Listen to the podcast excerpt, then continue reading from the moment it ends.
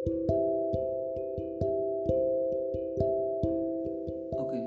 kali ini gue ingin membahas tentang introvert. Sebagian orang yang introvert dibilang berbahaya. Apakah benar? Langsung aja udah mendingan dengerin.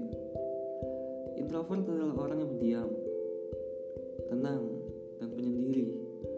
Kepribadian introvert masih bisa berinteraksi dengan banyak orang.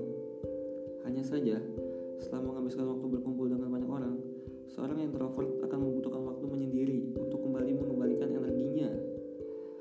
Orang introvert memang butuh waktu sendiri lebih banyak untuk mengumpulkan energi, sehingga wajar jika orang-orang introvert tidak lebih sering berkumpul dengan kawan, maka energi mereka tersedot oleh keramaian.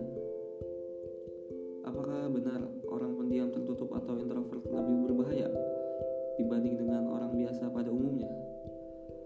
Sampai saat ini banyak orang menilai orang pendiam itu berbahaya karena tidak ada yang mengetahui apa yang akan dia lakukan ketika emosi atau ketika dia sudah tidak dapat menahan rasa marahnya.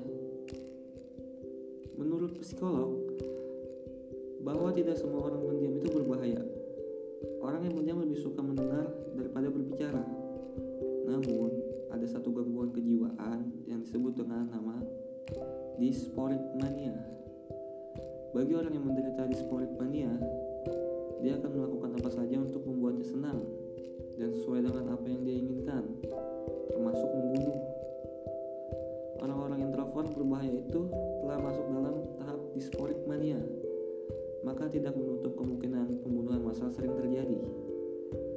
Orang introvert tidak berbahaya, yang berbahaya mengalami gangguan jiwa atau dysphoria mania. Jadi tenang aja kalau ada teman lo introvert. Sekian dari gue. Ciao.